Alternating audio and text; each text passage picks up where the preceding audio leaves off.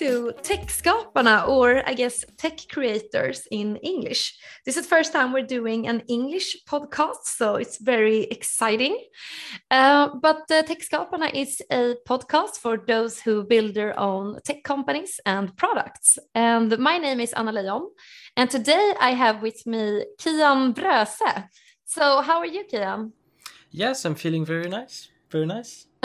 Great to have you with us. Um, so, Kian, uh, you are mm -hmm. one of the founders behind Passtider Snabbt, as it's called in Swedish, which yes, is a yes, uh, which is a service uh, which helps private individuals to book a time slot to renew their passports in Sweden.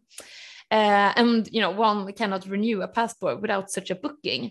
And i also want to mention that the queues to create a new passport have been extremely long this spring and this summer sometimes even up to half a year which has destroyed many people's vacations. So then you develop this tool. Uh, so instead of them having to sit and like refresh the page all the time you can scan their site and suggest a time for them when it pops up um, so that's super cool. But I also did some research on you, and you have a quite successful YouTube channel as well with uh, 25,000 subscribers, and even one of your videos have has uh, 1 million views. So that's pretty cool as well. So mm. if that's okay with you, I'm going to ask a little bit about that as well. Yeah. Um, Cool. And you're also only 20 years old. You have accomplished quite a lot already. mm-hmm. uh, is that is uh, is all of this a good description or introduction to you or do you want to add something that I might have missed? Yeah, it's a pretty accurate description. Cool. Uh, so awesome to have you with us. And of course, we will dig into how, how it all works more in detail a bit later in this podcast. But first of all, I, of course, want to hear more about you and your background. So, how did your journey within, in, within technology, within IT start? And where does your interest come from? Men först ett meddelande från min sponsor. Det här avsnittet av Techskaparna sponsras av Ingenjörsdagen. Den är till för alla som har ett intresse för tech och i år går det av stapeln 21.9 i Malmö, 25.10 i Luleå och 9.11 i Göteborg och nästa år igen i Stockholm. Kom och häng på Ingenjörsdagen. Jag kommer att vara där och jag utlovar tonvis med inspiration, socialt utbyte och nya lärdomar inom spännande techområden. Gå in på ingenjörsdagen.se för att läsa mer och anmäl dig. Det är helt gratis. Och glöm inte att du också kan nominera grymma techpersoner till Stora Ingenjörspriset. How did your journey within in, within technology, within IT start and where does your interest come from? All right, so basically, I've never had a formal education within technology or anything related to the field, and everything I've learned has been through just interest and being self taught and searching up how to do things that I didn't know how to do on the internet. And for example, most of the things I've learned were just from having fun in games and just trying to automate things with Python, and then it eventually just kept escalating to the point where I am today. Mm. That's so cool. I love how uh, the IT profession is one of those professions that you really can yeah, make a great career and uh, be completely self-taught. So that's so awesome. Uh, but let me ask you, uh, before you built Passtider Snabbt, have you built anything else? I don't know if you tried to build some websites or some other products or companies or anything else along those lines. Yeah, I mean, my skill set is a little bit unusual as most of the things I tend to do are things like one time jobs. For example, when I started off, I started doing bots, which is like a way to automate services in games. Mm. And through the YouTube channel, where I also taught a portion of the things I knew, I started getting requests from people saying that, hey, I see that you know how to do this. Could you maybe make a bot for me for like $500? And then it was like okay i got a little jobs here little jobs there. And then eventually i managed to land some pretty decent jobs with some people that just kept recommending me to other people. Mm. so a bit of freelancing so, i guess. Yeah it's it's a bit of accidental freelancing that i never really asked for. Cool. Uh, and did this happen while you were in uh, like high school or uh, like Oh yeah, this happened when I was in the gymnasium about 17 years old, I think. Yeah, and that you have only you like quit the gymnasium and then you have just worked with this since. Oh, uh, no, no. I, I was in the gymnasium until I was, I believe, 18 years old, and then I moved to university. Ah, ah, okay. So right now I'm in my second year of university. Ah, okay, cool. And then you do this as a side uh, gig, or yeah. yeah, that's correct. I see, I see. But okay, but what can you you mentioned bots, but is it bots in different games, or like can you explain more what the freelance assignments? Uh, like what what what were you supposed to build well, it really depends on what the customer wanted, but most of the time it was bots for games. So, for example, if you have a game like League of Legends, I'd get a person that asked me to make a bot that could automatically level up accounts so that they could mm. sell them. Or in another game like World of Warcraft, I'd get a request for a bot that could just automate the farming of items by randomly just clicking uh, the attack button. Mm. Then I'd get other requests for like Twitter, especially, I had a group of people that worked with um, NFTs, which are like mm. a modern way of proving that you own an image. And they wanted a bot that could automatically grab the usernames of thousands of people that are interested and message advertisements to them mm. and just general jobs like that. This is so cool. But I guess that League of Legends and World of Warcraft, uh, they actively don't want bots in their game, do they? Oh yeah, no, it's it's absolutely against their terms of service, and if you do get caught doing it, you you get banned, ah. and that's what that's also been a bit of an issue for the YouTube channel since I I like teaching what I know how to do. The problem is that in most scenarios, it's something that's not allowed to be taught. Mm, yeah, you're. So, for example, yeah. you're like balancing on the brink of uh, illegal stuff here. I mean, it's not necessarily no, illegal, not illegal. It's just like copyright strike. Ah. For example, if I made a video on how to make a bot for League of Legends, which is really not hard to do, mm. I just get immediately taken down by uh, League of Legends mm. because they don't want this kind of content to be publicly available, mm. And I don't have the right to appeal to that mm. because technically it is causing some kind of damage to their game. Mm, mm. Yeah, it's like uh, I guess it's flooding the game with items, for instance. Uh, yeah, that, that's a common example, or causing hyperinflation by having bots that yeah, just farm 24/7 at inhuman speeds. Ah, but that's so cool that you're you're you're like very niched within this. But is it always in Python or any other programming language? I mean, I I started doing everything off in Python, but re- and I mean, I still do basically everything in Python since I'm so used to it and it's such an adaptive language. But recently, I've started hitting some issues, especially related to speed, mm. because Python isn't really meant to be a fast language. So right now, I'm still not good at it, but I'm transitioning to Rust. Mm, cool. And that's a more fast uh, working language. Yeah, it's it's one of the fastest working languages in the world. Mm. It's just a little bit hard to transition to. Ah, I see. I see. Oh my god, this is so interesting. You're like the the bot king. Mm-hmm. Uh, I love it, what I'm hearing. Uh, okay, so that's so awesome. But uh, yeah, you mentioned that you are at the university now studying. So what what are you mm-hmm. studying? Uh, I initially went to university for a program of Inbyggda System, which is where you do like the electronics for circuit boards in your hair dryer, for example, mm. and also like other general programming. But I found out that you don't really learn anything useful related to technology at university.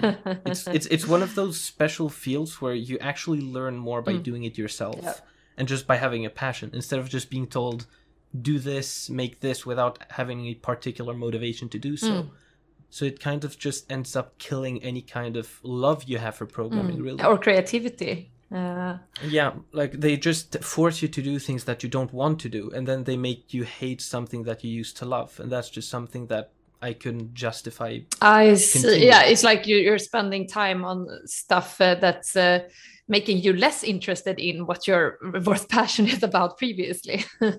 yeah. But exactly. I totally get that because I felt a little bit at university like they teach you the the theory and the school book example and the process that they want you to follow in order to achieve that because they have somehow decided that that is the correct way of doing things. Uh, but then when you get mm-hmm. out of it and you you're not on university anymore and you're out of working and you're like okay nobody does that way ever. Like that's uh, that's just a fantasy way of, of doing things. It's yeah. like uh, some i don't know fantasy land in in universities very disconnected to reality actually. I agree on that. Yeah oftentimes you just can't expect things you learn at university to actually be useful or applicable in a real life scenario. Because like the difference between learning in a university and learning by yourself is that in a university you're learning things for the sake of simply learning them. By by learning on your own you're learning it because you needed to learn it. You actually see what it is that you want to achieve and then figure out how to do it which also means that you'll remember why you did it and how you did it instead of just sponging up random information and facts to then spit it at a test and then forget the next semester. Mm. Yeah, yeah, I agree 100%. But so what uh, you mentioned now that you you are obviously very interested in bots and automating stuff and uh, now mm-hmm. you also mentioned more like electronics and circuit boards and, and that kind of stuff. But what what do you want what do you want to do when you in the future when you when you grow up? the I actually don't really have a valid answer for that. My life goal at the moment is just to not be bored. That's about it. Yeah. I don't have any particular goals or expectations. Mm beyond that yeah. Okay. Uh, that's so cool. Um, okay.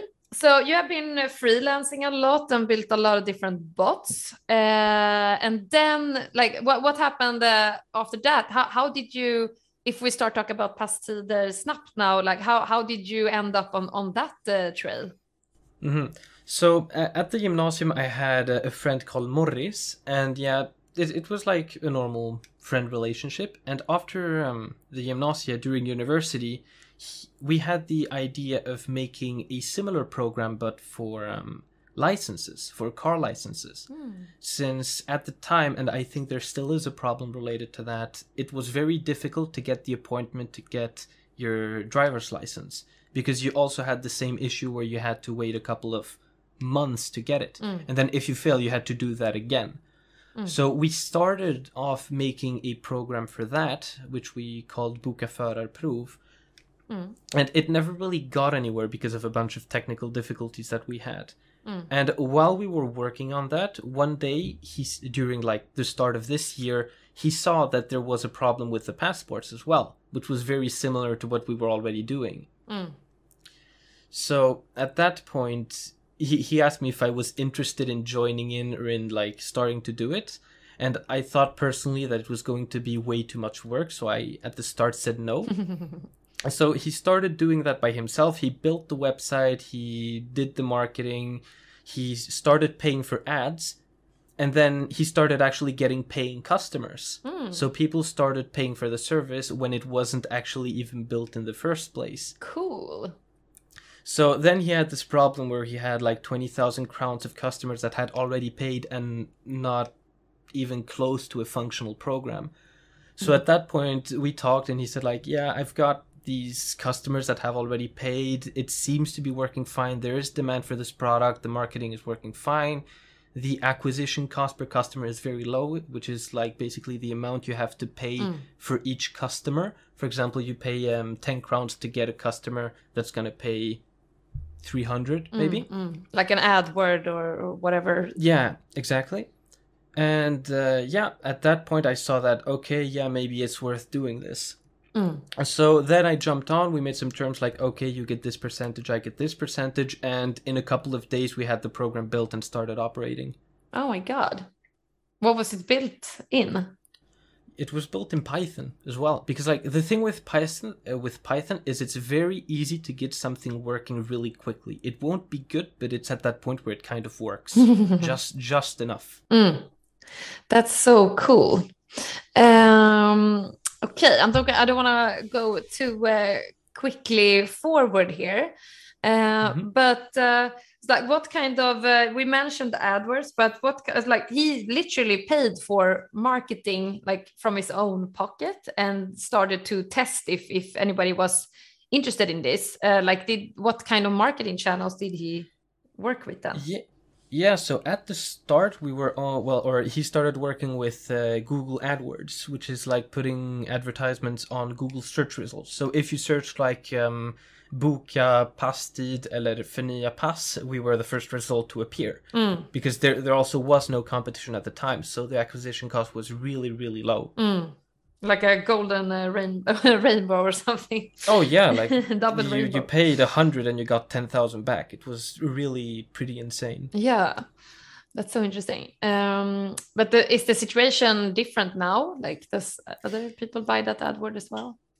Oh, be, uh, right now everything is kind of dead because the problem doesn't exist anymore. Ah, Like the the root of this problem is that during the pandemic people couldn't really travel and didn't want to travel because of all the travel restrictions and even if you got to another country you couldn't really do anything. Mm. So when you got to that point where you had to renew your passport, why would you renew it if you aren't going to use it to go anywhere? Mm. So then you ended up having two years of people that were just not renewing their passwords. And suddenly, when all of the restrictions were lifted this year, you had hundreds of thousands of people that needed to renew their passwords at the same time before summer. Mm. So that causes that caused massive overflows in um, bookings on the police's website, which caused queues up to 2023. yeah. So it was just impossible to get a time no matter what you did.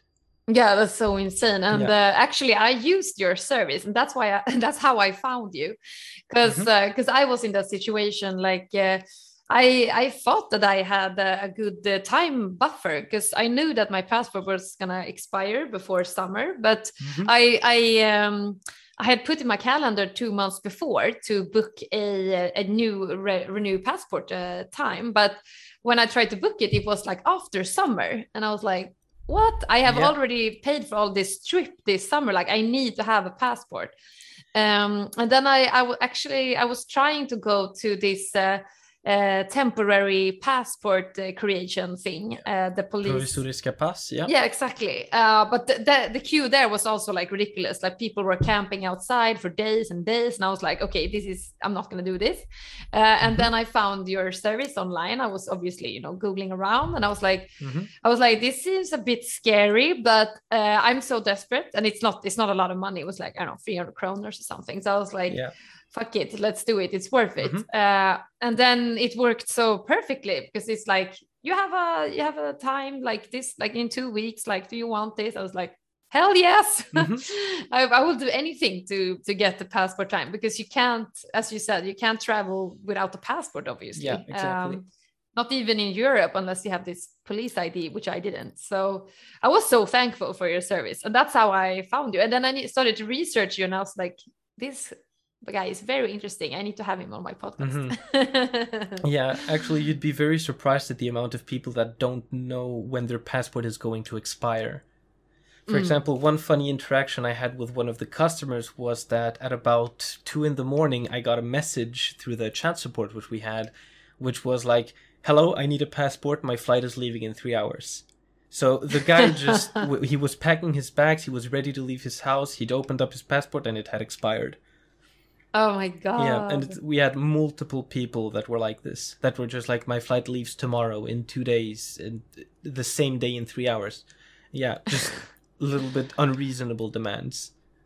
yeah, and you were like, well, we need a couple of weeks at least. Yeah, I mean, in in our terms, it wasn't really difficult to actually get the booking. The problem is that the we, we weren't in control of the time it took to actually deliver Mm, produce the passport, which Mm. ended up being one of the huge issues we had later on in uh, in June.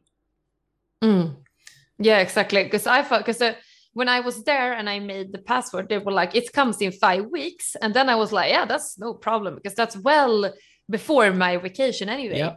But uh, but then like time passed and I was like, where is my passport? And then I called to the police station and they said, no, but it's actually on the way. And it was this was like on the eighth week or something. And I was like, okay, but I need it like today. I was like, there's a couple of few days uh, before I need to have it and then it actually arrived so i was very very lucky but uh, yeah they there it has been not only delays in being able to go there and create it but also the production time has been like insane as well. And obviously you yeah. can't control that but you maybe got some blame for it? I don't know. Oh yeah like we got some insane blame for it. Like is there nothing you can do? We got people demanding refunds because we did manage to get the mm-hmm. time when they said that the delivery times were like one week. The problem is that when they changed that from one week to five weeks suddenly that was after their flight. Mm. So no matter what they did, they'd miss it anyways. And then they'd want a refund even though we already had the time booked for mm. them. So we were in a bit of a complicated situation where our argument was like,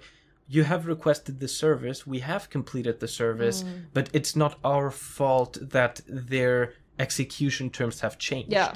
But as far as we're concerned, we have executed what we've promised. Yeah, them. like what can you do? I mean, if you're not producing yeah. the actual, you know, Oh, yeah. But that's so interesting. But did you have any, or have you had any like in like has the police contact you about your service? I mean, since it's a little bit of a I don't know more I don't want to say moral gray zone, but uh, mm-hmm. the police did address uh, this kind of service in in the news and everything, and said that uh, yeah, it's it's not good that these services exist and so on. So how how do you feel about that? Yeah, there's a bit of a funny take on that one. Right? Well, for one, we actually had people from the police use our service. So we, we have people that have police emails at polisen.se that have registered and we have gotten times for them. But, oh, maybe they were just testing to see if it worked or and how it worked. No, I mean, e- either way, if it didn't work, we are liable to send a refund to the customer by law. We have at least 14 days unless we've booked a time. And we had this pretty ah. clearly in our terms of service. So if we weren't able to execute, we did have to send a refund no matter what. Mm.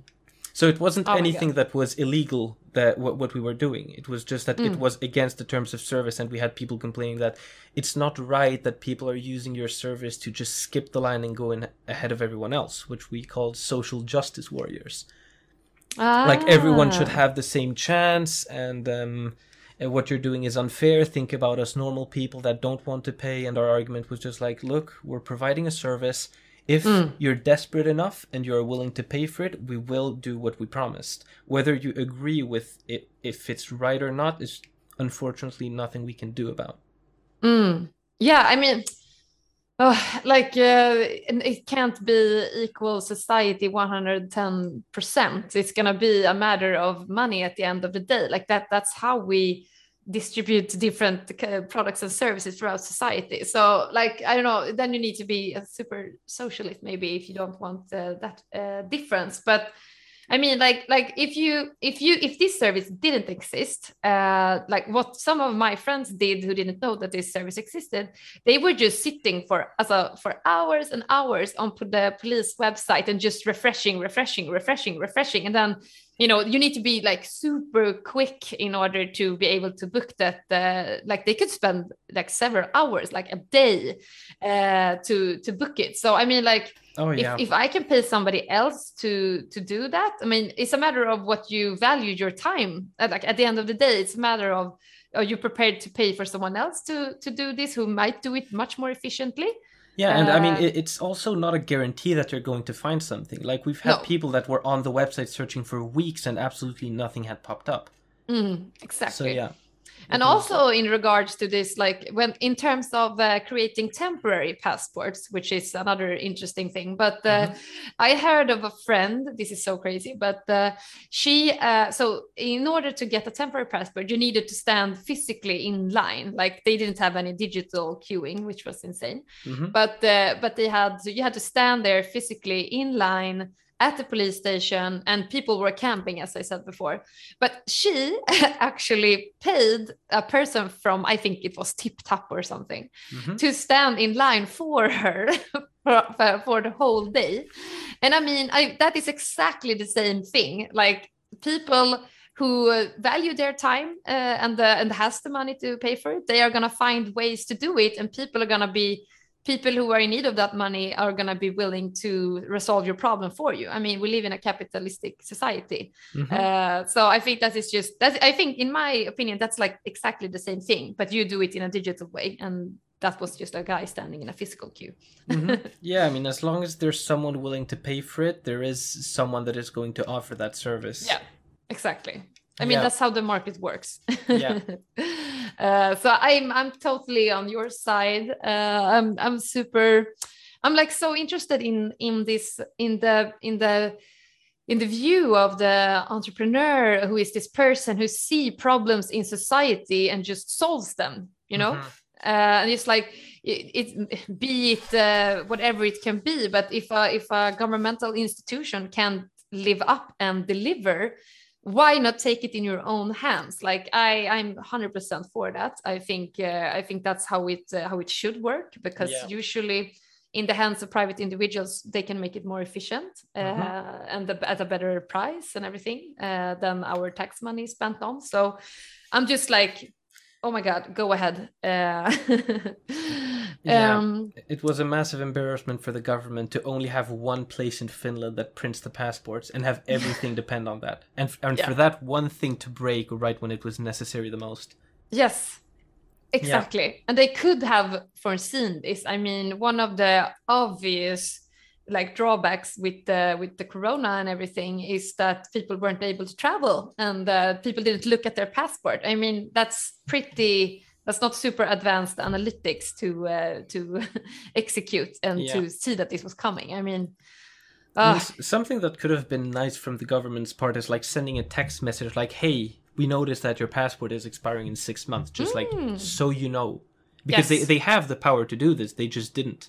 yes, And they, they also did a ton of sneaky things without telling people, because if they did tell people, they'd be riots. yeah. What what kind of sneaky things? For example, during the final stages of all of this mess, like in June, they implemented a system that made it impossible for people that already had a valid passport to book a time before 14 days. So, for example, if now was June 1st and you already had a valid passport that was going to expire the 2nd of June, you weren't allowed to book a time before the 14th of June, so 14 days in the future That's super weird. and people didn't know this because they didn't actually publish it and this Mm. created massive issues on our part because we had a system where you could select like when you want to have your booking like I, I want to have it between in one week and in one week plus four days but the Mm. problem is that because of this block where you just it wasn't possible to book a time before 14 days unless you had someone that was willing to do it for you that already had a passport that expired then that would be impossible for us to complete Mm, and the people just didn't understand this because the police didn't say that they did this. mm. So that was a really dirty thing that they did. Oh my god! And of, obviously you see that, but nobody else sees that. Yeah, I mean, uh, you're we under had, the hood. uh, we had people that complained about this because we actually had to remake the system like 14 different times during three months because of updates they constantly did to their website that were either Mm. made to block us, to just change things, make it more difficult, or stuff like that. And yeah. you always need to be one step ahead, right? yeah, it was c- constant war with uh, the company that was managing the booking website. oh, that's so funny. Was it? It's like are they called Nemo Q or something like Yep, that? exactly. Yeah. There, there's the guys uh, that are at the um, airports with um, little button you press and you get a little uh, paper with a number. It's those guys. Yeah. But their system was so awful and they just kept making it worse. Like, we, we think they made it worse to try to stop us, but they were failing so miserably. And we, we just kept questioning, like, what, how come these guys that don't really know what they're doing, their website looks like it's made from 2010, how are they in charge of the booking system for passports? Like, it would be easier to make something better than this in less than a week. the roast. Yeah. no, but I, I see what you're saying. But I mean, I guess the police isn't that good at buying, uh, you know, being uh, critical and buying qualitative uh, deliveries. I mean, Yeah, I mean, it's, it's uh, probably something related to contracts that they have. Yeah, Yeah. Exactly. I mean, even if we had a better solution, which we actually considered doing, like making just a better booking system and selling it to them, they probably wouldn't be able to buy it because of some kind of contract. yeah, some legal stuff and Yeah. uh, blah blah blah. And also, like, they don't want small contractors. They want this big, huge uh, organization behind everything. Otherwise, Yeah. they see you as a liability and Yeah. blah blah blah. Yeah, it's horrible. It's horrible, but that's how it works. Mm-hmm. Um, No surprise there that uh, everything uh, the government uh, builds is quite uh, slow usually and not uh, 100% uh, good all the time. Mm-hmm. uh, okay, but uh, like so in terms of when you were when you were working with this did you do it like full time did you take out a salary or it was Oh. still just a hobby thing? Like the, the way everything was managed was really a disaster because we just launched into this without expecting that it would blow blow up as it did. So mm. w- when we started this we didn't even have a company registered and that's how bad it was so we and we were earning so much that we considered that it wasn't really worth it to have um enskild näringsverksamhet Yeah. because of taxation purposes. So what we needed was an aktiebolag. But the problem was that the registration process for an aktiebolag took months. And we didn't have months because this was, this was like all going to collapse when people start just giving up on their um, summer vacations. Mm. So we just started doing absolutely everything without a company while simultaneously registering that company that would be declaring everything on. Mm. We weren't able to take out any kind of payments for ourselves because mm. the way Aktiebolag works is that you're only allowed to take out money once you've done the, um, the declarations, which are in April. So uh, even if we still have money on the account, we aren't allowed to touch it, which is a little bit unfortunate. And yeah, it Yeah. was just uh, it, the banks were a real pain because when they see that you're receiving like 100,000, 200,000, 300,000 on a like weekly basis, they're questioning like, "Hey, what's happening here? yeah C- can this you must pro- be something yeah. fishy Can can you prove that you're not a terrorist? Where Oh is this God. money coming from? Um, why are you receiving this money? Can you prove what you said? Prove some documents." And then they sent like 20 different um, papers that I had to fill in like why why am I doing this? I had to update kundkännedom. Where Hmm. am I receiving payments from? Uh, and it was just horrible, horrible, really Hmm. horrible. was it uh, did you receive lots of small payments Like Like- not not like the way it works is you to be able to receive a payment on the internet you need something called a payment processor, which is like the equivalent of the terminal at a shop where you put in your card and enter your PIN number. So it's where customers enter their card number, expiration date, etc., and then our payment processor received that money. So it's like a secondary bank. So the money Yeah. stays in the bank for a couple of days for safety purposes if there's a dispute and we need to send a refund. And after that, they send it all in one big chunk to the main bank. ah, okay so you get a super big chunk okay. Yeah, so we got What big chunks at a time of like 100,000, 200,000. And it was all in the privatkonto, which triggered Yes. a lot of flags. I got a lot of mails from people at Handelsbanken say like, are you doing know- drugs or something Yeah, like what? Why are you doing this and on a privatkonto? Because I like explained to them that um, the way Bolagsverket works is very slow, and that even though we had done all of the proceedings to register the aktiebolag, it's gonna take some time to do. Like I didn't have a choice here. I needed to have somewhere to to pay the massive advertisement bills we had every single day. Yeah, this is so funny. It's so backwards. Like usually you you you struggle to to get paid when you launch a new company, but you you you we were struggling with with like managing the money we were being paid. yeah not even within the company yet. No, it Oh, was that's so we, funny. we jumped in without doing anything. It was really funny. That's amazing. Like this is one of those fairy tale Cinderella stories. But um, so uh, what payment uh, provider did you use? We we used Stripe because one of the most convenient things we were able to offer was that everything was fully automatic.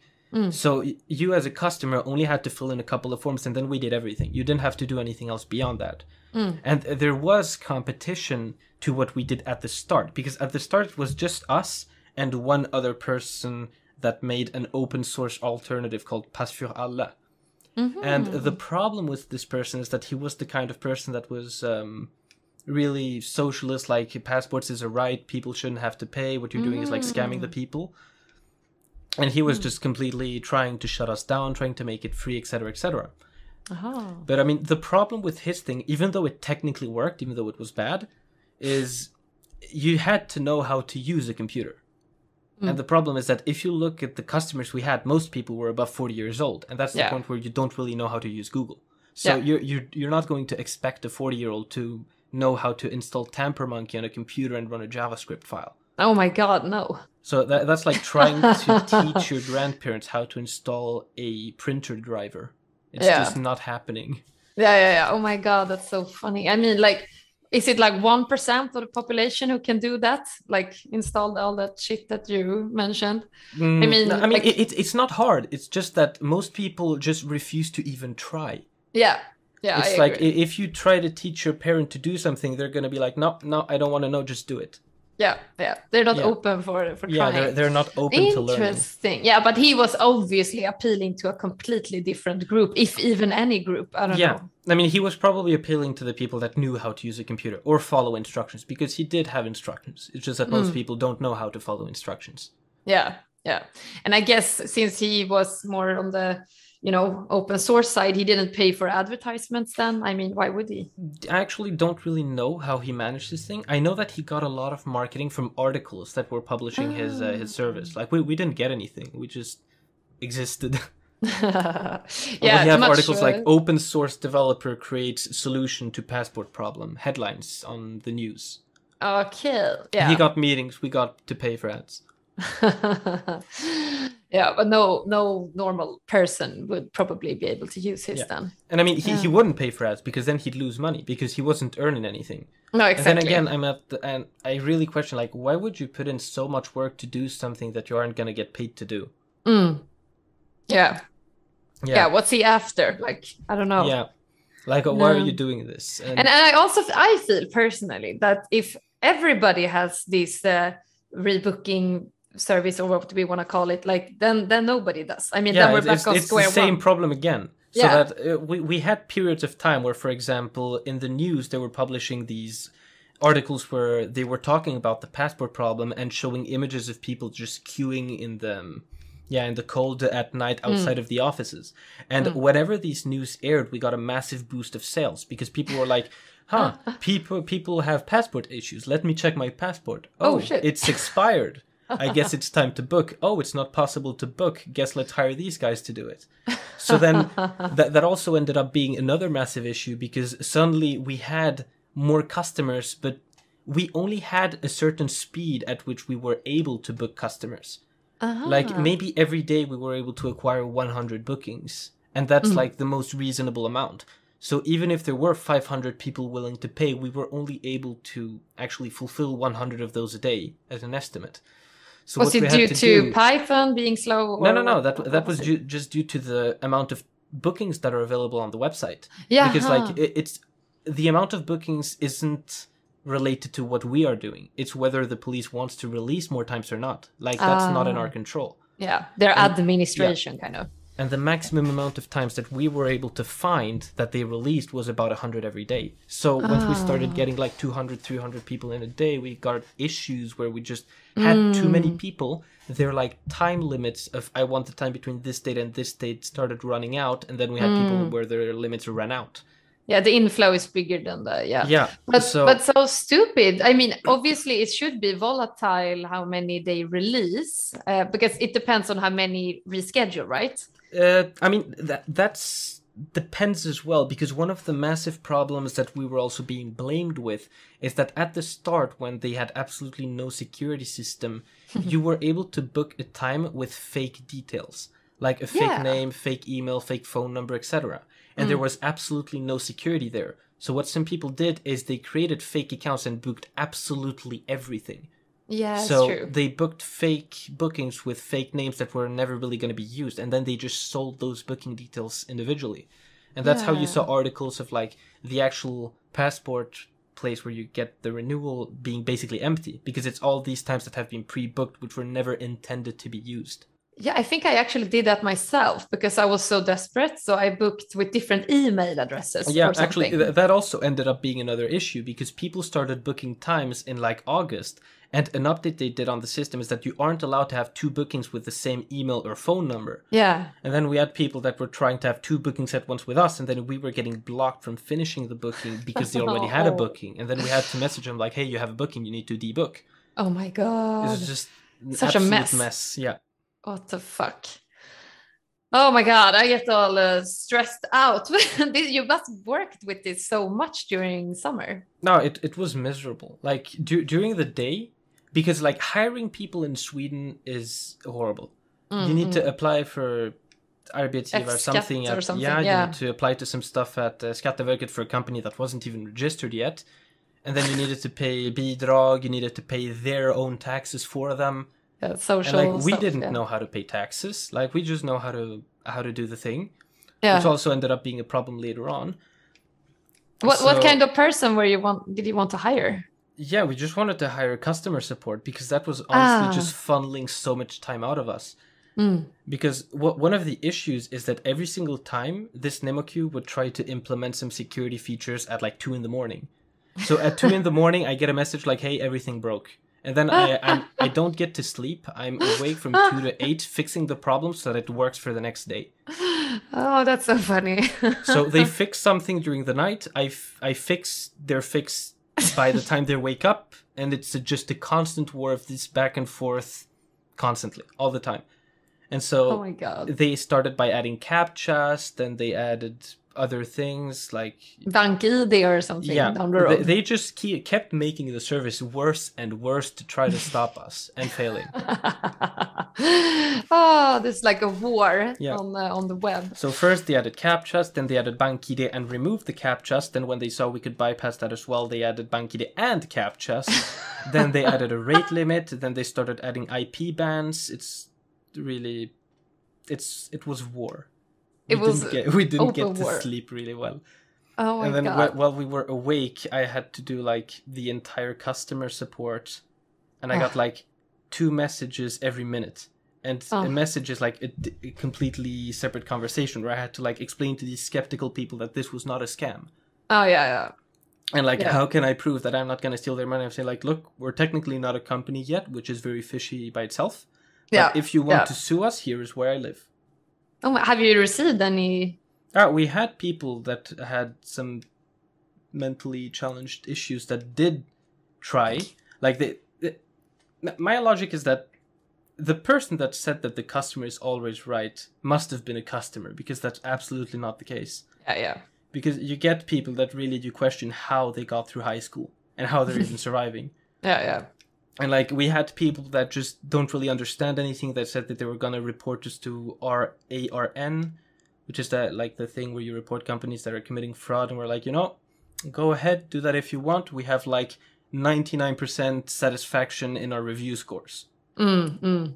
and that ended up being also a big role of what we did, having positive reviews for Mm. semi fishy service. Yeah, that's that was super smart of you, like the Trustpilot thing, because I saw that and I because I actually looked you up and I was like, it's it's it's not it's a it's a person's like security number here. There's no company behind this. This is so fishy. Like, Yeah. what the hell is going on? But then I saw the Trustpilot and I looked at it and it didn't look like a you know sometimes uh, the Trustpilot looks like a bot has written it or something Yeah, like actually, uh, we- we- amazing amazing Uh, amazing We, but we got people complaining in the chat that uh, why are you faking reviews on Trustpilot? Because one of our problems was we were succeeding so well that it looked fake.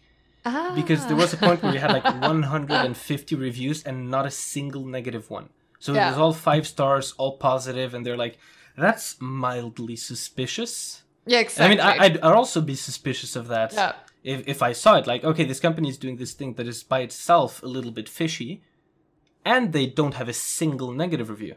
And what, so what, and and like most of the accounts that review are like one one review accounts, so it could be newly created. So it was just an overall mess there as well. But it, it was like the best way we could prove that this wasn't a scam.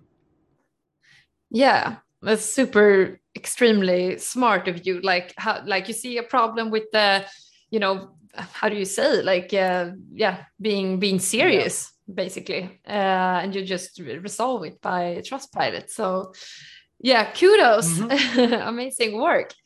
Um, that is so cool. But maybe we can talk more about the, the tech stack. We have mentioned Python and so forth, but uh, like I don't know, hosting and other like uh, technical choices down the road. Can you walk us through? Have you built it?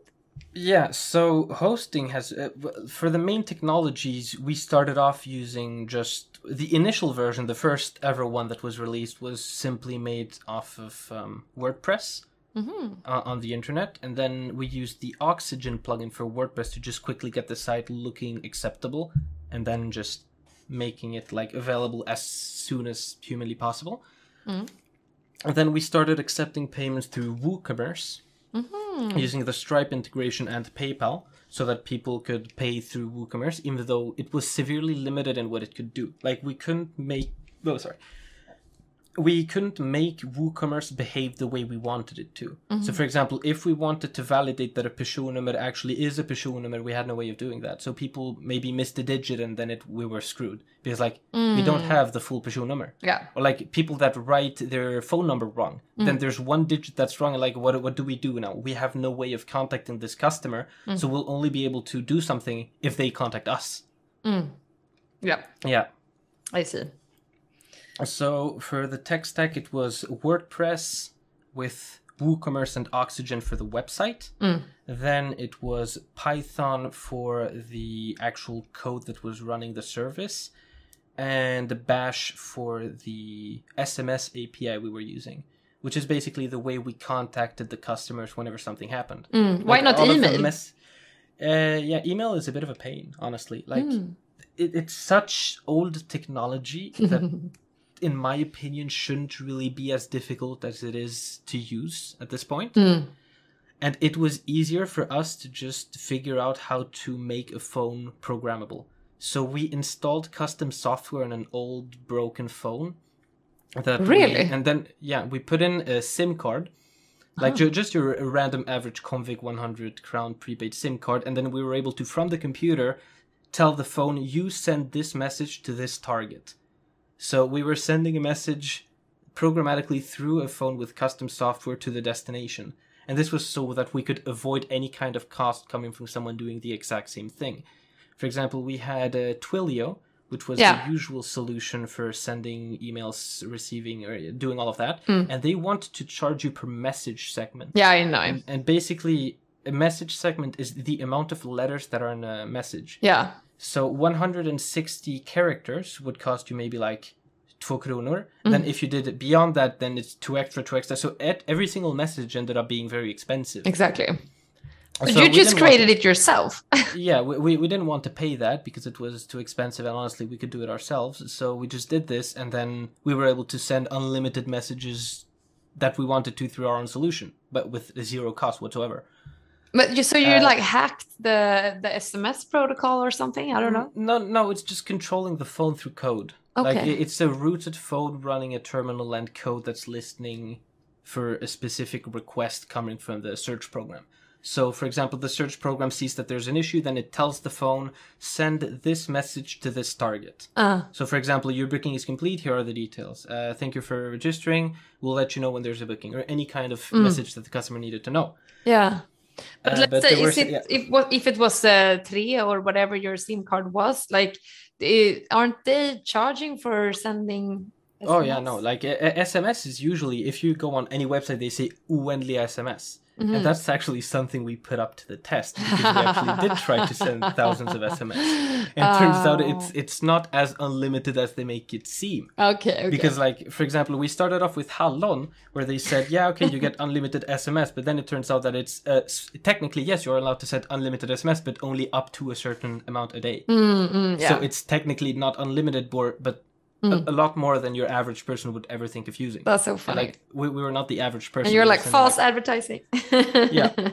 Yeah, honestly, we considered that. Like, would it be possible to tell or to sue for like false advertising? But like, we considered not doing that because technically, what we were doing as well wasn't allowed No, exactly. by their terms of service. Yeah. Because if you read their terms of service, it says you aren't allowed to programmatically do something with the phone. I forgot the exact clause, but like. Mm. what we were doing just wasn't allowed. But it was just saving us so much money that we were like, you know, it's it's fine. Mm. We just do it anyways. this is But, so uh, cool. Then we got problems with Hallon because turns out that w- once we started having way too many customers, that phone was sending one message every 2nd Mm-hmm. So it it kind of looked like a spam bot. Hmm. And there was also another issue because there was a virus circulating around the internet that would take control of phones and do similar behavior to what our phone was doing, which was just sending messages everywhere about like a scam. And then they implemented something that would block numbers that were suspected of having this behavior. Aha. So we and that were was eventually you. banned from using their network because of this issue. So we suddenly had a lot of issues where we were we were actually finding bookings, but the customers weren't being contacted for them Oh my because god. the phone was just like completely unresponsive. Did you send like from it. manual SMS then? Uh, n- no, we actually just put everything on break and didn't send anything for three days while we switched providers to Telia. Okay. So we just kind of put every, everything on pause and said, uh, "Hello, we have driftstörningar with our SMS system. We'll send it as soon as it's back online." Okay, While mm. everything was working fine, so that was chaos. While people were complaining that, "Hey, I didn't get my bo- my beställningsbekräftelse," or "Hey, I didn't get my time." Mm. So that that was a mess. Mm. So we had to cancel the Hallon because of this issue. Because even talking with their support, they said that yeah, I can't technically disable the block, but I can't remove it permanently. So you are going to get it again. Oh And my that's god. just really not helpful for us. Mm. So we just switched to t- uh, to Telia, and from then on we haven't had issues. we, we did have issues, but it was a lot less issues. I see. But yeah, then you can uh, recommend uh, Telia when you're like uh, hacking into the phone to to send the SMS then, I guess. Yeah, I mean, it's it's not really hacking. It's just you make a program that's able to to control it. Uh, the for the people that like want to know, it's optimize it or Yeah, Mm. it's called Android Debugging Bridge, or ADB, or that, that's how you send the commands to the phone.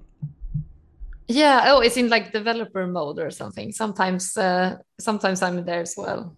Yeah. I- It's like deep debug mode for the phone, so that you can like see what's happening. But you can also use it for stuff like this. It, it's all actually just built in. Like uh, the send SMS functionality is just built in, but just so few people know of it because it's this very specific use case that there wasn't anything built for this already. So we had to build our own.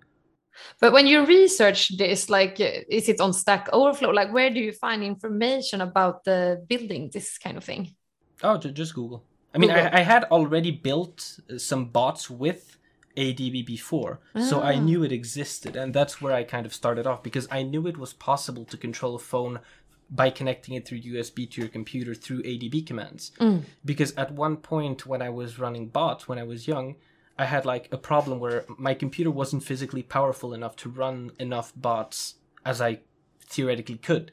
so I started getting a bunch of phones, like real phones, and tried to control them the same way as I would control an emulated phone on the computer. Mm. And the way to do that ended up being through ADB, where I can like send a command to the phone, like take a screenshot, then I can process the screenshot, then uh, tap here, move here, do this. Mm. And so I kind of just knew that existed and then checked if there was additional functionality for SMS, which there was. Mm. Okay, this is amazing. Uh, I understand why your uh, uh, like self-teaching videos on your YouTube channel is so popular because you're you're like great at explaining. Yeah. Uh, so cool. So, but uh, tell me a little bit about your YouTube channel as well. We haven't even talked about that. But uh, for instance, uh, your most uh, popular video with like one million views when I looked at it uh, is uh, about image recognition, uh, building an image recognition bot in Python. Yeah, Um, that was the first one I ever made, and I'm still very ashamed of it. Ashamed? Why? It was amazing. Tell tell Like, the audience a little bit about it.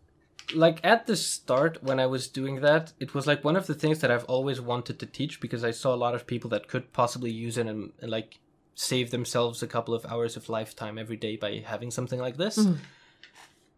And well, I thought, yeah, you know, why why don't I just teach them how to do this in a simple way? But I like I never expected it to be big. So I just kind of made it really averagely, which is still like above good for tutorial standards because usually when you try to look at tutorials you get something that isn't edited at all so like you had um the the typical meme of the indonesian person that has a lot of background noise and a fan spinning up in the background and a very bassy microphone Mm. that just uh, tells you what to do with the indian accent that that's the general meme in Yeah. learning technology yeah. so it was just kind of a well edited tutorial, but by my standards nowadays, if I knew it was gonna become the thing that would just randomly explode and gain me like 15,000 subscribers in a week, I would have definitely put in more effort into it. Mm. Okay, I see. This is so cool. So, but uh, in terms of uh, image recognition, uh, I mean, do you call it machine learning or? Ah, no, no. I mean, th- for the average person that doesn't really know anything about computers, they would consider that advanced. Mm. But in reality, it's very simple. It's just beyond the kind of bots that just repeat one instruction repeatedly. Mm. Uh, the the last video I made actually talks a little bit about um, that concept of the different types of bots there are. Mm. So that kind of bot is the one that can take in a condition, like for example, if there is an image or a button present on the screen, then I need you to press that button. Mm. When another bot wouldn't be able to tell this information. So for example, you wouldn't be able to tell a a dumb bot, if I can call it that, uh, wait for this button to appear. Mm. But the smart bot is a way where you can programmatically tell the bot what it has to do. Mm. And that that for me was a good way to like also clickbait because it it, it sounded good in the title. and yeah, because mo- by most people's definition, I've only had lot, very few people saying that it's not advanced at all. Like I get what they mean, but like generally speaking, it's it's good enough. Mm. How, like, do you do any marketing of your YouTube channel or how did people find you? No, it was just I, I actually don't have a good answer for that. It just kind of happened one day. Mm. Like w- when I started the YouTube channel, I made like three videos, and every day I was getting like three views. Then one one day I suddenly wake up and I see a thousand views plus two hundred subscribers. I'm like, what what happened here? Mm. And then the next day, uh, ten thousand views plus a thousand subscribers. it, it was just absolutely random. I didn't understand anything. Yeah. It was a pre- pretty good dopamine hit to just see it randomly. it's it's like seeing your sales go from zero to like a million. Mm. It's that kind of feeling. Yeah. Because they always say like the first thousand subscribers are the most important. Mm. And then suddenly for like a week I was getting like plus a thousand, plus three thousand, plus five thousand. Mm. Until until it all stopped. I still can't explain why it happened, but it just kind of happened. Yeah, it's some YouTube algorithm, like. Yeah, it, it was trying something out and it worked. and that that just basically gave me the motivation to to just keep on making the videos because Yeah. if that didn't happen i probably wouldn't have put in the amount of effort to get to the point where the channel is today Mm. Yeah, yeah. We should uh, recommend uh, the listeners to subscribe to your YouTube channel. It's uh, Kian Brose, right? yeah i mean generally speaking subscribers don't really mean anything on a youtube channel Mhm. because I- i've worked with some people that have like fake youtube channels with a 100000 subscribers but if they put up a video it barely gets 200 views Yeah. Yeah, it's kind of like on Instagram, like people who have obviously bought their followers, they have like hundreds of Yeah. thousands of followers, and then they have like 100 likes, and I'm like, what?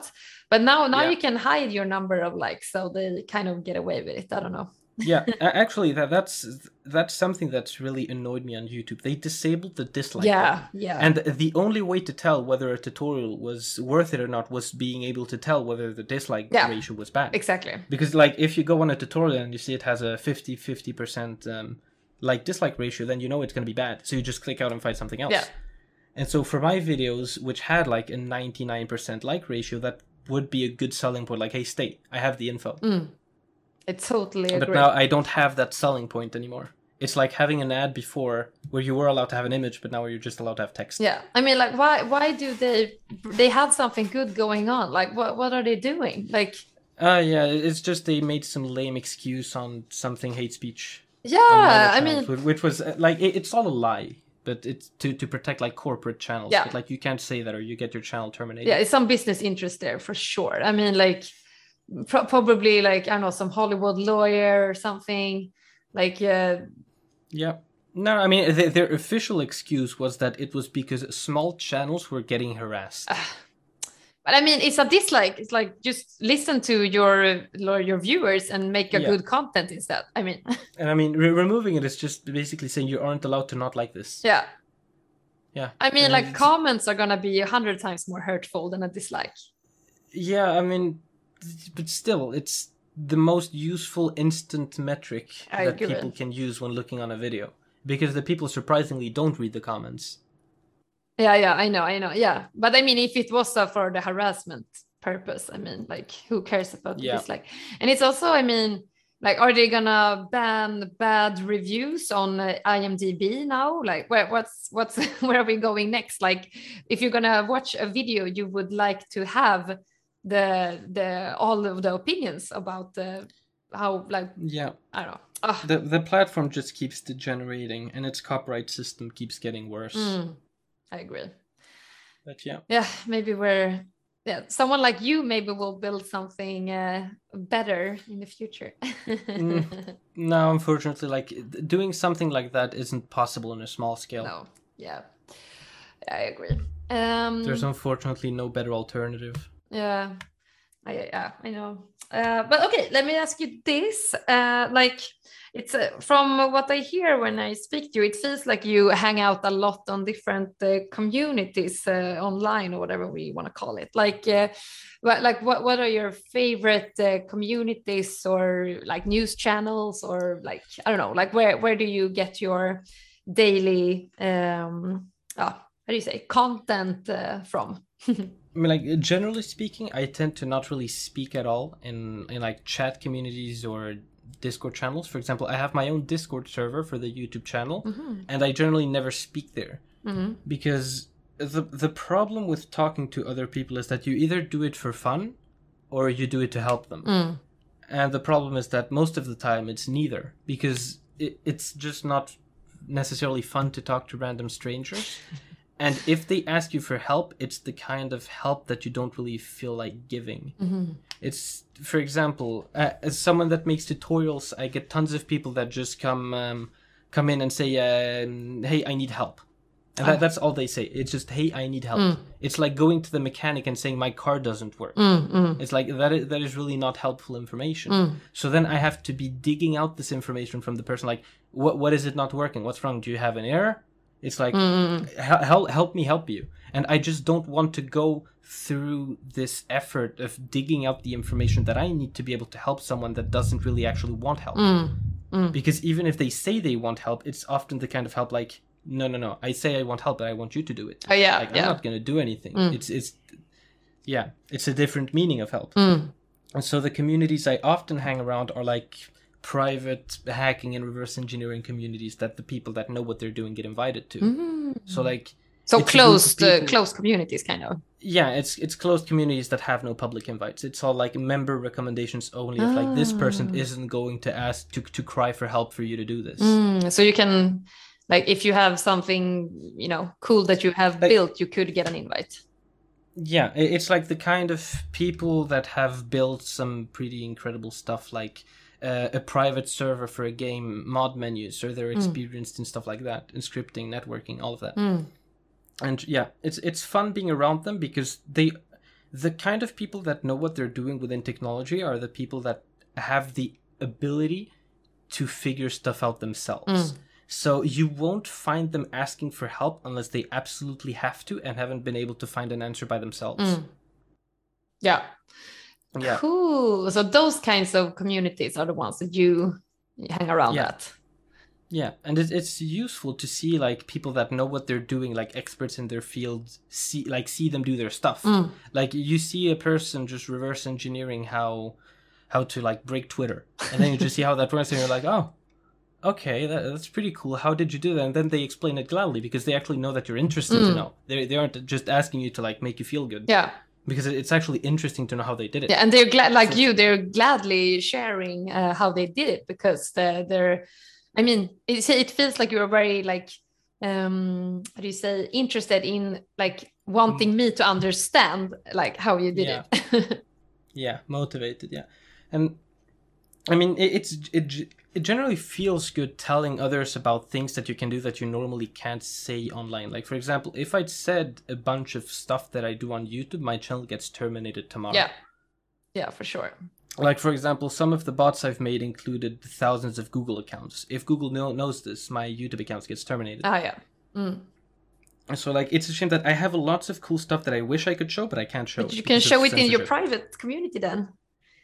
Uh, I mean, it's still the problem that I don't have a legal say if they decide to randomly terminate my channel, Mm. and that's the problem. Like, it's their choice since it's their platform. Yeah, I hate that. That's why I love. I have my own website, you know, um, and yeah, it's like on the web, it's like the wild, wild west. Like you can do whatever you Yeah. want. Somebody can't shut you down on YouTube, Twitter, Instagram.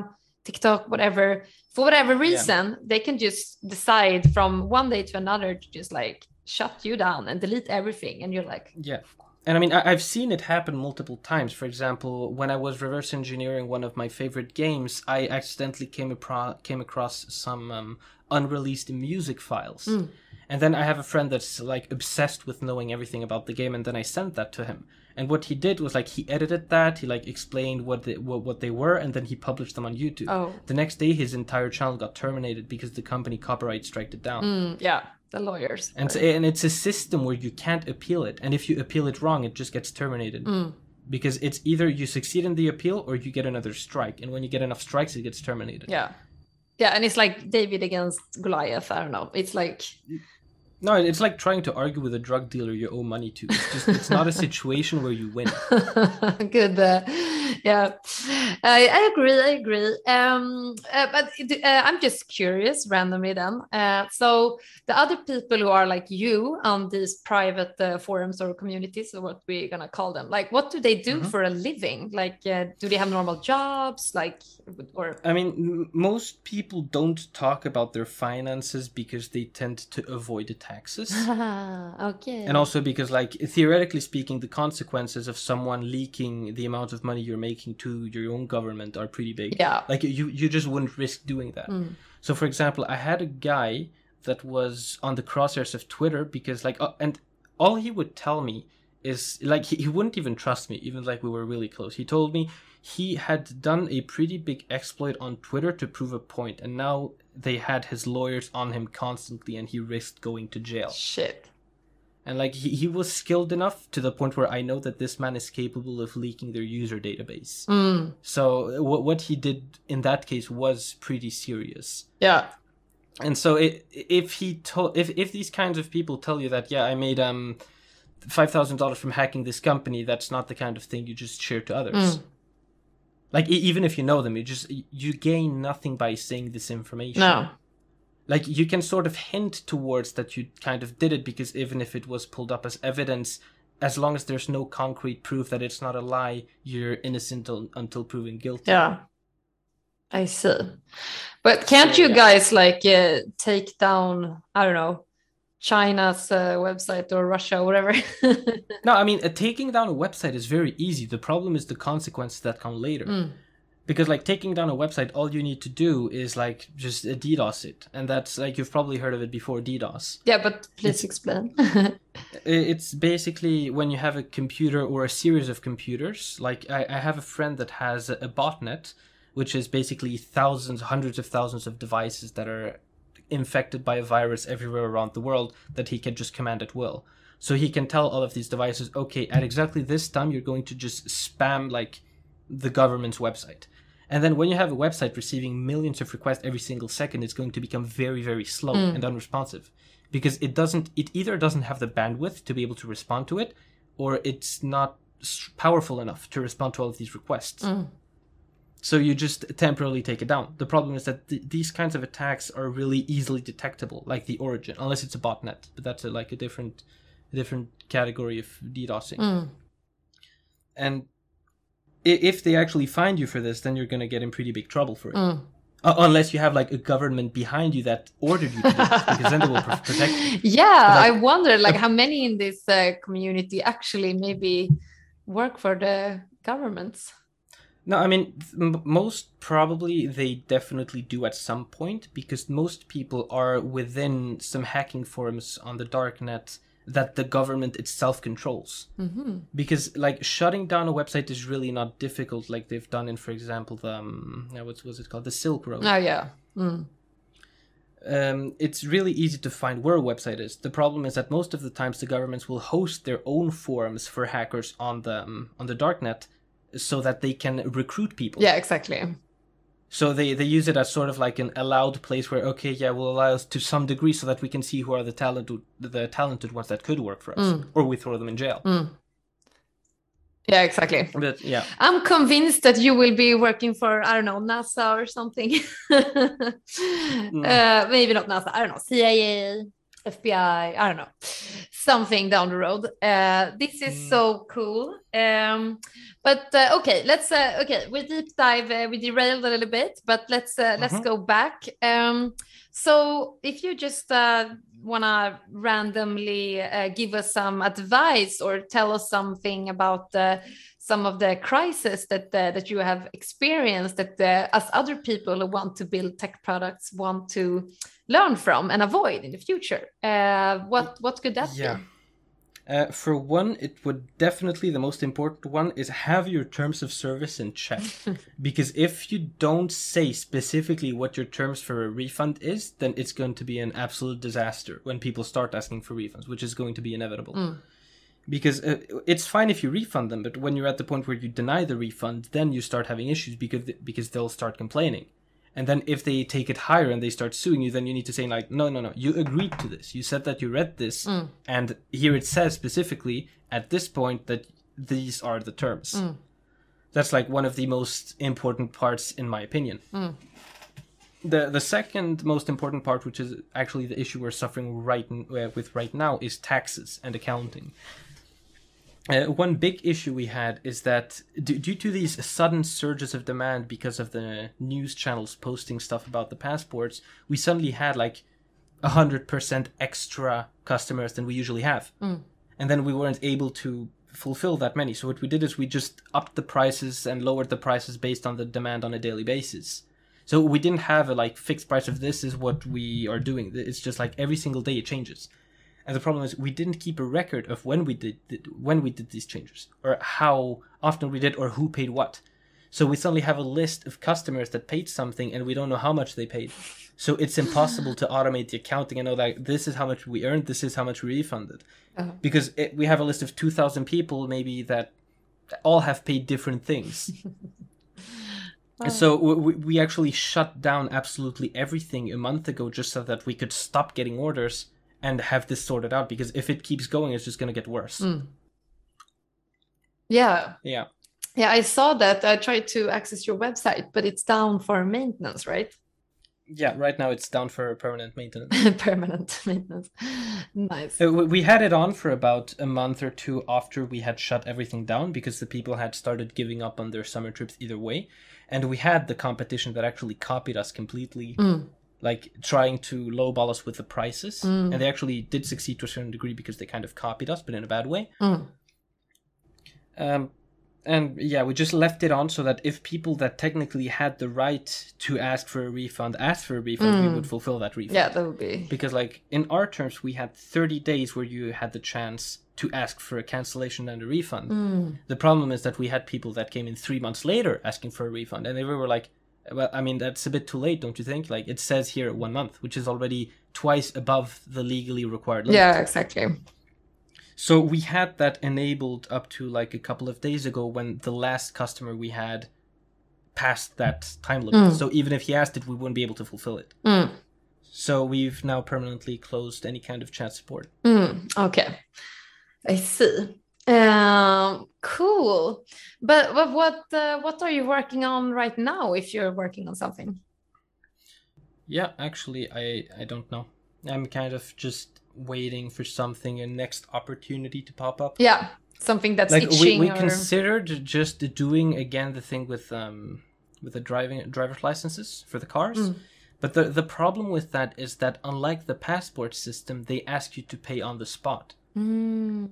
And the problem with that is that we aren't going to pay for the customers. I mean, we technically could pay for the customers. The problem is that they would then need to pay us what we would have to pay them. Yeah. And not only would that be a nightmare for the customer because like these people are asking for us 1500 for an order that is very fishy, mm. but they're also like doing it like that would also complicate things for the accounting because how can we prove that this technically was an expense? Mm. Yeah, I see. So it's it's and it's quite a lot of money as well for the driver's license, isn't it? Yeah, it's like a thousand two hundred and fifty, if I recall correctly. Yeah, yeah. So, like, what we used to do is we had a service that just scanned the website and sent a message whenever there was a mm. booking available. But the problem with that is that there are people that are there all day long and try to scan it, and by the time they read that message, it's already gone. So it was kind of useless. Ah, I see. Cool. Still, Uh, yeah, good luck with that. But um, yeah, we need it. uh, so like I don't know, like uh, on on more like the, the financial side, like uh, like from the money you made from uh, Mhm. Passtider Snabbt, do do you have to work? Like when do you have to start working again, or or do you have to? Like how's your situation? I mean that that's usually some motivator for people to start working on things. Yeah, I mean, could you repeat the question? um now I have like uh if you're like chilling now i guess you Mhm. you are chilling now not not working so much on, on anything but i Mhm. mean either you're gonna get inspired to start working on something or maybe you will you will have to start uh, working on something because your money runs out so like uh, how long are you like financially viable not not doing so much No, I mean, like, uh, generally speaking, I'm a very cheap person. Like, I, I can survive on 8,000 a month without a problem, Mm. including rent and everything. Mm. So, like, with, with what has been earned, which actually has been a little bit of a pain because we can't touch it until April, Um, it, I could survive for a couple of years just fine, Mm. or more, probably more, Mm.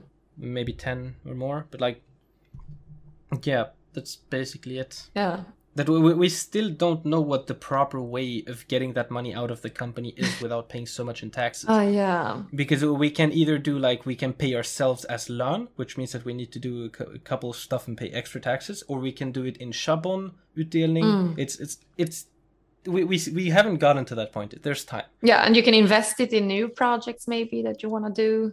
Yeah, we, we've considered that as well, but like the, the problem is that most stuff that I I personally or he knows how to make is something that depends on the existence of something else. Mm. So for example, we don't create our own company or service. Mm. We base our service off of something that already exists and simply simplifies it. yeah So for example, the passport thing. Sure, we made the service, but we weren't in control of the actual passport. Mm. Like that that responsibility was on something else. So any day if they shut down, we shut down. Or the the same thing with um with the what's it called? Driver's licenses. Mm. Like if if they suddenly made a change that completely wiped out all of our programs, then like we're shut down and we owe people a lot of money. Mm. And that was actually a pretty funny problem that our competition that tried to copy us had.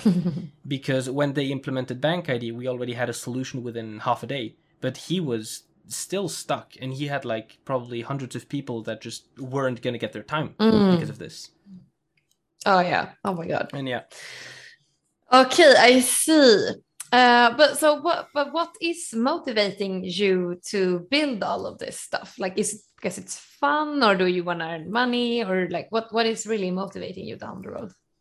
I mean, at the end of the day, it's mostly because it's it's interesting and like I learn most of the stuff I do from actually doing it. Mm. Because like all, all of the things I've done, I won't forget them because I've done them and it, it was like either entertaining, fun, or just really weird. Like some chat support conversation, I just won't forget. and um, and like I, I just generally do things because I don't want to be bored. I always want to have something to do. And at the end, like if it makes money, if it doesn't make money, that's fine. That's perfectly fine. Mm.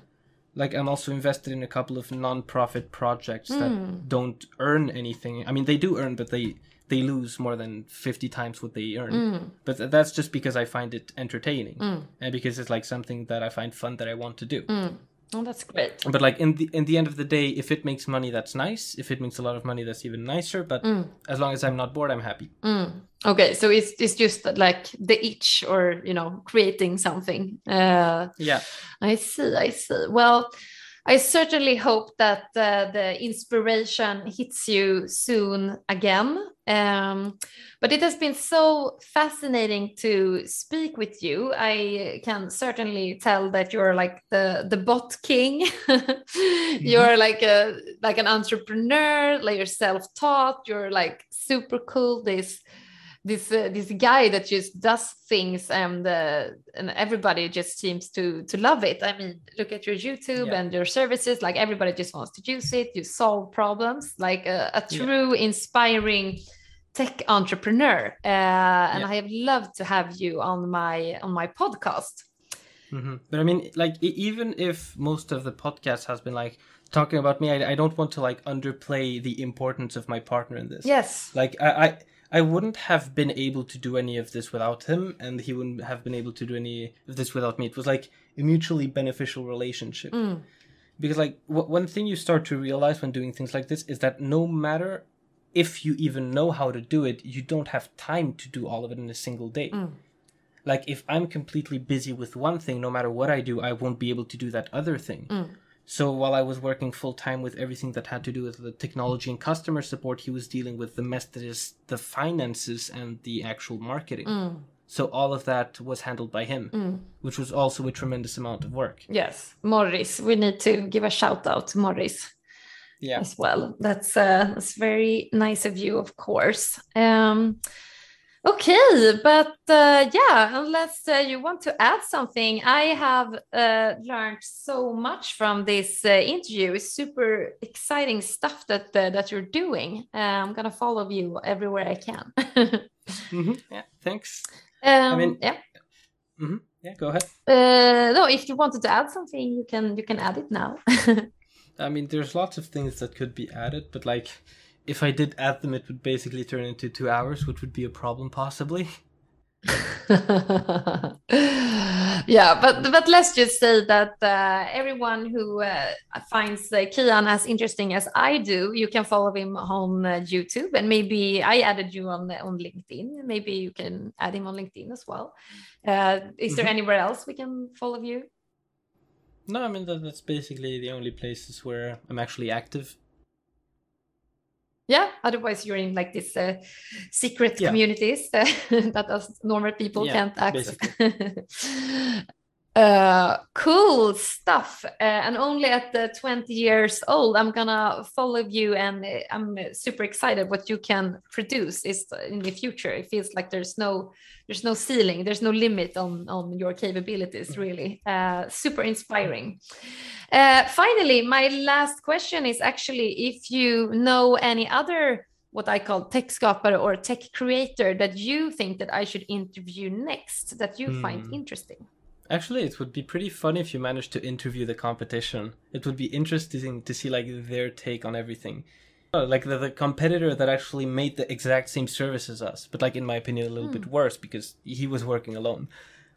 Mm. But What, what are they called? Or uh, Passakuten, Okay. they were like the biggest one. There's another one, but like he, he never had any kind of public way to contact him. So like Ah. But what what was funny between us and Passakuten is that we were con- constantly trying to spy between each other. So like sometimes he was in our chat support and we were in his. Ah. So like some for example, when all of this Bankiria stuff happened, he like posed as a customer and tried to make. He said like, I, uh, "This is sounds very fishy." If I'm gonna order, I want you to be 100% transparent with how this works. and, and then it was just I, I, I kind of knew it was him. So we, we played a little game of misinformation where we told him yeah yeah no we actually just bypassed it completely. It was no work at all. We did it in five minutes. And then we told him like the method we used is this completely wrong method that is never going to be used or remotely useful. Oh, poor guy. Because a- and anything that just delays him slightly is good for us. And so he didn't know and he, we just delayed him like that. And then we, we were in Oh his my chat God. seeking information. It, it was it was an interesting take of lies. Like he was posing as a customer we were posing as a normal chat support with actual non-false answers. Then we were in his chat support. Yeah it was fun. Everything is allowed on the web. I love it. Yeah. okay, Passakuten. I will. I will try to get a hold of him. yeah He seems also like a very interesting uh, web cowboy or whatever I'm gonna call you guys.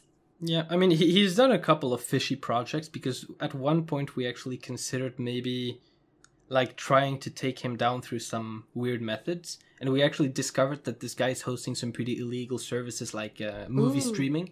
So that could get him in a lot of trouble if he actually got found out because he did a mistake on his website that allowed us to see the Ah. configuration. So we, we, we could actually see his name and like link it to other things he had done. Okay. And also the other ways he had made advertisement were really obvious like he he did advertisement for his own service that was the copy of ours on his illegal streaming site. Ah. which was kind of funny. Like he, he's kind of incriminating him, Yeah. himself in that way. And we considered if maybe we should do something about it to like kill the competition, but like in the end, it's Yeah. too much work. So we, we just left it on. Like he managed to copy us decently well, so Mm. like, good job. Men först ett meddelande från min sponsor. Det här avsnittet av Techskaparna sponsras av Ingenjörsdagen. Den är till för alla som har ett intresse för tech och i år går det av stapeln 21 i 9 i Malmö, 25 i 10 i Luleå och 9 11 i Göteborg och nästa år igen i Stockholm. Kom och häng på Ingenjörsdagen. Jag kommer att vara där och jag utlovar tonvis med inspiration, socialt utbyte och nya lärdomar inom spännande techområden. Gå in på ingenjörsdagen.se för att läsa mer och anmäl dig. Det är helt gratis. Och glöm inte att du också kan nominera grymma techpersoner till Stora Ingenjörspriset. So we, we just left it on. Like he managed to copy us decently well, so like, good job. Oh, that's so funny. I hope he listens to this, but uh, let's see if I manage to dig uh, him out and see who is. Yeah, I mean he has a chat support. I think. Like you can reach him. He he usually used to be as active as us and replied within 15 seconds of of like us actually s- be having Yeah. a message. Let's see. Yep, he still has his chat support. Yeah. So- So you can probably. Oh, actually, I have his phone number. Please email me that. Uh, I will. I will reach out and see if I Here we have go. someone. There's his phone number. Okay, cool. No, unless he changed it, which is very possible, seeing the kind of businesses he does. Yeah, exactly. Uh, okay, I'm gonna write that down. Uh, cool, Kian. This has been amazing. Uh, I hope that you have had fun as well. Thank you so much for being in this podcast and shared your journey. It has been very Yeah. inspiring. Yeah, thank you for inviting me. Thank you and have a great day. Yeah, thanks. Have a great day. Bye.